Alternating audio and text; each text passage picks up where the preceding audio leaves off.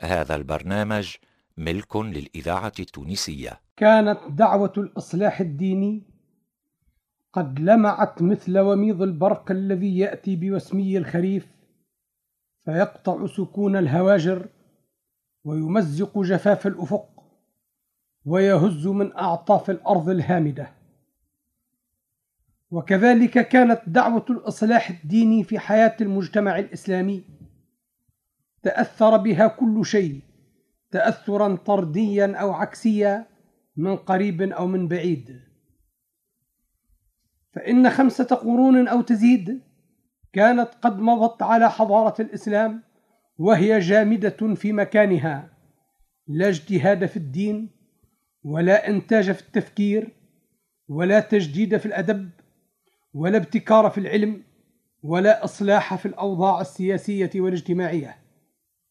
فكان العالم الإسلامي طيلة تلك الدهور لا يزيد كل يوم إلا انطواء على نفسه واعتزالا لمعترك الحياة الإنسانية ولا تزيد أوضاعه المتحجرة إلا ثقلا مقفعا لأعضائه وعضا داميا في أديمه.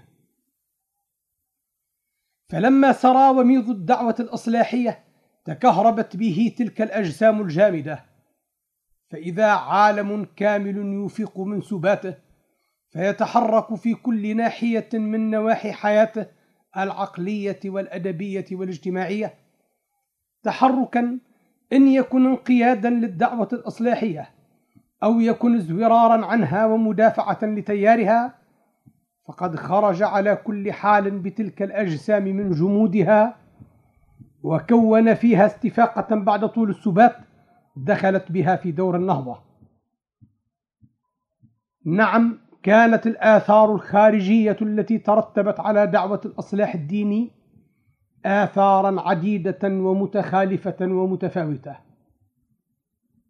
ففي أصول الدين اتجاه جديد إلى البحث عن الإيمان والشرك والسنة والبدعة والجبر والاختيار والقضاء والقدر.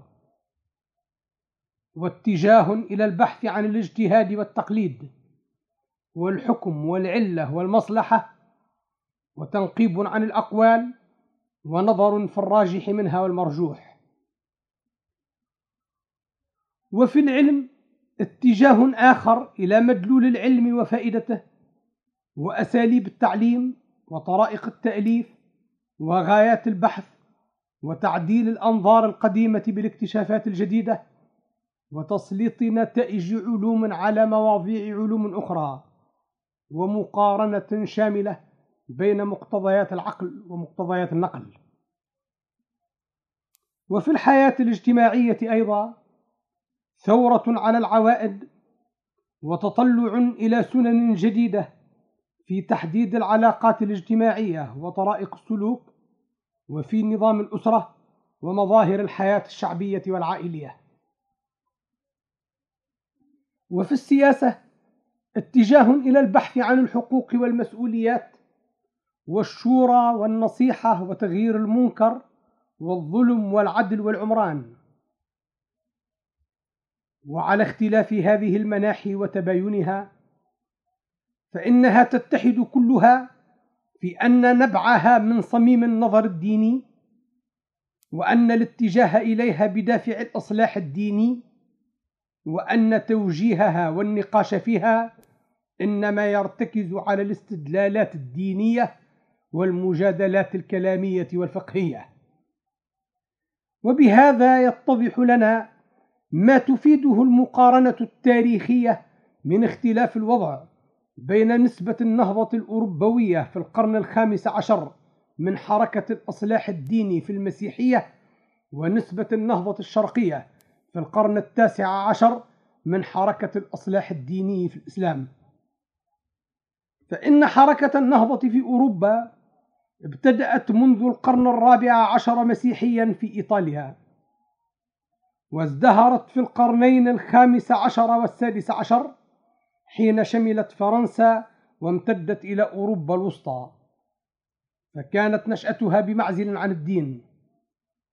وظهرت آثارها في العلوم والآداب والفنون بصفة جلية انطبع بها تطور التاريخ انطباعا يفرق به بين القرون الوسطى وبين التاريخ الحديث الذي أساسه عصر النهضة لا غونيسانس ثم إن ذلك التطور العميق الذي قلب الأفكار والآداب والفنون والأوضاع الاجتماعية قد استقل بنفسه وسار سيرته وظهرت آثاره منفصلة عن كل عامل من عوامل الإصلاح الديني حين استعلنت في الآداب والفنون.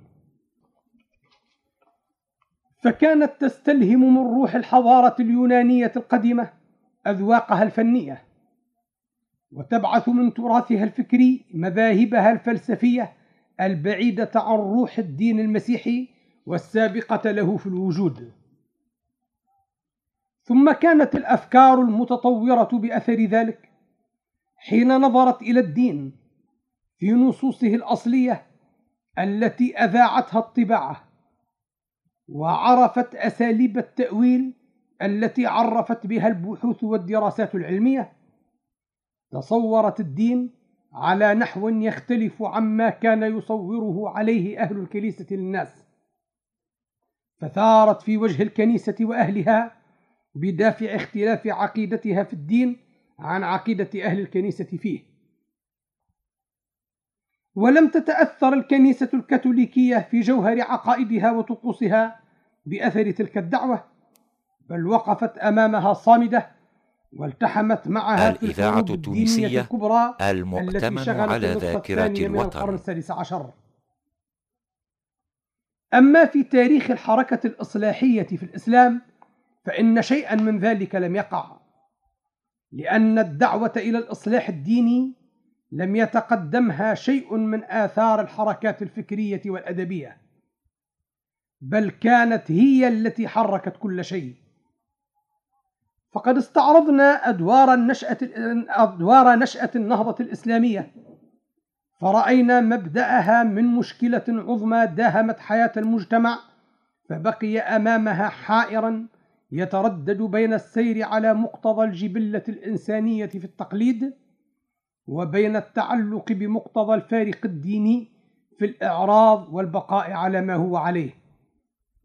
فكانت مشكلته دينية محضة تقدمت له بحلها دعوة الإصلاح الديني فوضعت بذلك الحل مقدمات الحكم الفكري على ما يقتضيه حال المسلمين في موقفهم إزاء المدنية الغربية. فولدت بذلك الأصول النظرية التي بنيت عليها النهضة. فإذا كان الأدباء أنصار العقل البشري يومانيست هم الذين أحيوا في أوروبا موات العلوم وجددوا دوارس الحكمة وأصلحوا طرائق التعليم بالانصراف عن طريقة التلقين والمناقشة اللفظية إلى سلوك طريقة التحرير الكتابي والنقد والبحث والاختبار فوضعوا العلوم الدينية أمام تيار جديد لم يلبث أن طغى عليها فأخرج منها تصورات جديدة في الدين اصطدمت بالتصورات التي سارت عليها تعاليم الكنيسة فإن العلوم الدينية الإسلامية هي التي جددت نفسها. فجردت من ذاتها تصورات جديدة للأحكام الدينية هاجمت بها التصورات القديمة داخل أسوار العلم الديني ثم فاضت على ميادين الحضارة الإسلامية. فتجدد من فيضها العلم وطرائق التفكير وتجددت الدولة وأداة الحكم وتجددت مظاهر الحياة الاجتماعية والتقاليد المدنية وتجددت الآداب في لغتها وفكرتها وروحها وقوالبها الفنية. فالدعوة الوهابية حين أتت بالرجوع إلى السنة وإنكار البدع لم يستطع المخالفون لها أن ينكروا عليها أساس دعوتها وإنما دخلوا معها في بحث عن نسبة تطبيق ذلك الأصل وعما يقتضيه هجر السنة إلى البدعة من مدى المخالفة للدين؟ فسرعان ما أصبح الراد والمردود عليه متفقين على أصل الدعوة وأساسها غير مختلفين إلا في تطبيقها الذي يغلو فيه أحد الطرفين فيأتي الطرف الآخر معدلا لغلواءه وعلى هذا المنوال نسجت جميع الردود التي كتبت على رسالة سعود الأول. وكذلك استمر الأمر في كل موضوع من مواضيع الإصلاح الديني وما يتفرع عنه. لا تجري فيه مناقشة إلا في أساس الدعوة ولكن تجري فيما يبنى على ذلك الأساس أو ما يتصل بالمبني عليه من المعارضات أو اللوازم الفاسدة. وبذلك انتشرت دعوة الإصلاح الديني انتشارا مطلقا ودخل الناس جميعا تحتها إلا أنهم كانوا متفاوتين في الموقف بين مسرع ومتباطئ. ففي تونس لما ارتكزت دعوة الشيخ قابادو على قواعدها وائتلف حولها الأنصار الذين درجوا على مذهبها فاندفعوا بالوسائل العملية نحو غايات الإصلاح الفكري والاجتماعي والسياسي لم يقرب الشقة بينهم وبين الجمهور من أهل البلاد. الذين لم يتخرجوا على طريقتهم ولم يأتلفوا على مذهبهم إلا الصبغة الدينية التي اصطبغت دعوتهم بها فاختلفت المواقف منها بين مشايع ومتردد ومنتقد ولكن لم يوجد بين تلك المواقف موقف محارب كاشح يبغض الفكرة من أساسها بغضا نظريا أو اعتقاديا. ويثور في وجهها بحمية إلا الذين تعلقوا في تلك المحاربة بالعوامل الأنانية والأحقاد الشخصية. ومن ذلك أيضا تأتى ما ظهر في الحركة الإصلاحية من تقارب وانسجام بين مسالكها المختلفة باختلاف النواحي التي تتجه إليها.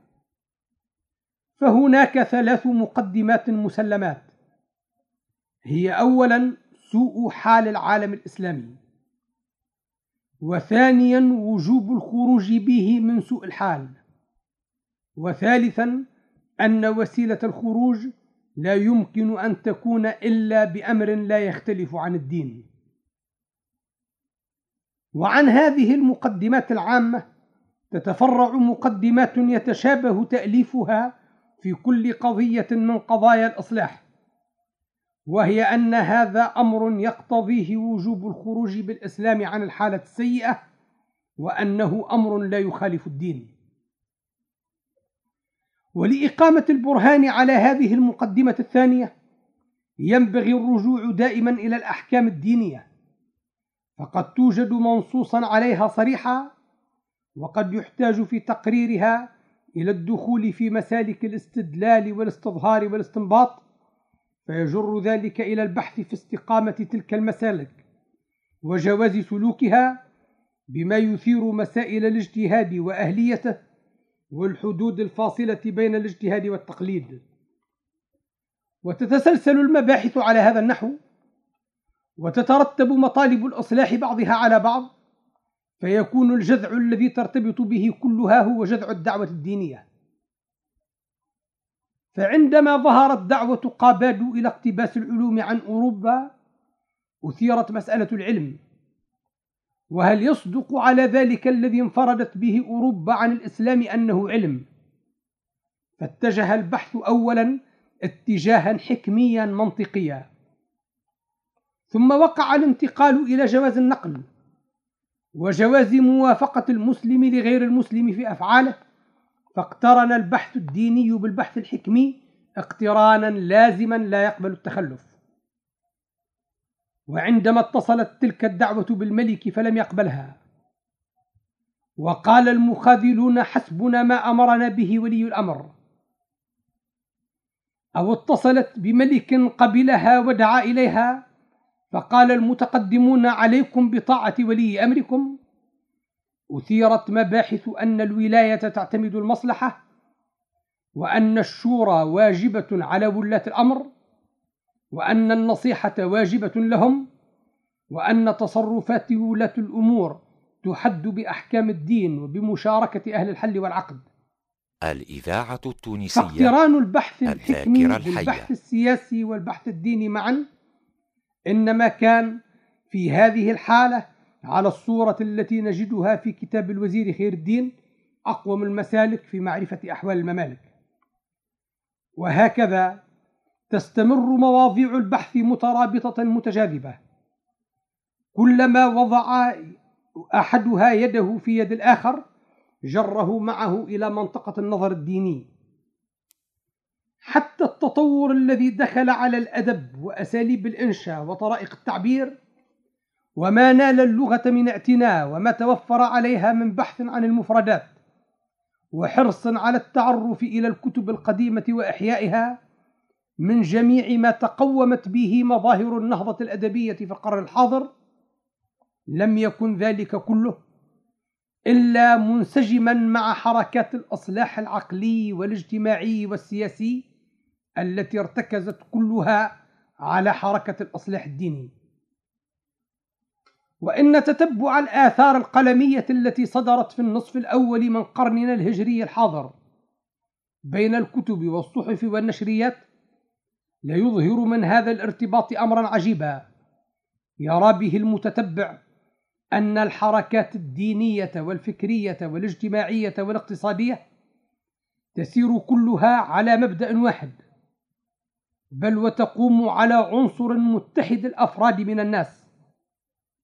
ففي الجيل الأول لا تستطيع أن تميز بفارق بين تحرير للوزير حسين في قضية مالية هي قضية بن عياد وبين تحرير للشيخ سالم بوحاجب في مسألة علمية دينية هي مسألة الاجتهاد. بل إنك لا تستطيع أن توزع دعاة الأصلاح في ذلك الجيل على نواح متباينة ومواقف مختلفة. لأنك تجدهم كلا إنسانيا موهوبا للكل الإصلاحي في عامة أغراضه. وفي الجيل الذي خلف جيل هؤلاء تجد العامل في حركات الإصلاح الزيتوني هو العامل في الجمعية الخلدونية وفي الجمعية الموسيقية وفي مؤسسة التعليم الفلاحي التطبيقي وفي الشركة التجارية بحيث إنك لا تستطيع أن تميز بين صحفي واقتصادي ورجل علم. فكلهم في نظر أهل ذلك الجيل من الشباب العامل المتنور وكفاءة وجميع ما يكتب في تفاصيل تلك الأغراض يعتمد على نصوص الدين وأحكامه. فمقالات الصحف في كل موضوع من تلك المواضيع لا يمكن أن تنفصل عن ماهية التحارير الدينية بل عن صور الفتاوي. وكم انتهت هذه الحالة إلى مظاهر مفرطة من التقارب والاختلاط إلى حد مدهش مضحك تجد فيه تذكرة حفلة طرب في مقهى من مقاهي حلق الوادي. هي صالحة أيضا للمشاركة في سحب اليانصيب وقد كتب في أحد طرفيها. وتعاونوا على البر والتقوى وكتب في الطرف الآخر. قل هل يستوي الذين يعلمون والذين لا يعلمون؟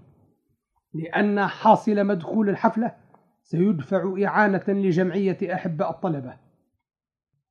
وبهذا المظهر من شدة الالتحام بين المبدأ الأصلي وفروعه أمكن أن ترتبط أطوار حركة الإصلاح الديني وأن تتواصل مراكزها على ما بينها من فواصل في الأزمنة وتباعد في الأمكنة والظروف. على نحو ما اتحدت دعوة جمال الدين الأفغاني بدعوة محمود قابادو في أشخاص انتظمت منهم حركة الإصلاح في تونس وهم الذين اتصلوا بالشيخين سالم بوحاجب ومحمد عبده. وعلى نحو ما اتصلت دعوة محمد بن عبد الوهاب بدعوة جمال الدين الأفغاني أيضا في شخص السيد محمد رشيد رضا ومجلته المنار. حتى أصبحت كل دعوة تكمل نفسها من أختها وتحتضن من المبادئ ما ليس من ولائدها وأن يكن موصولا معها بوشائج الأرحام.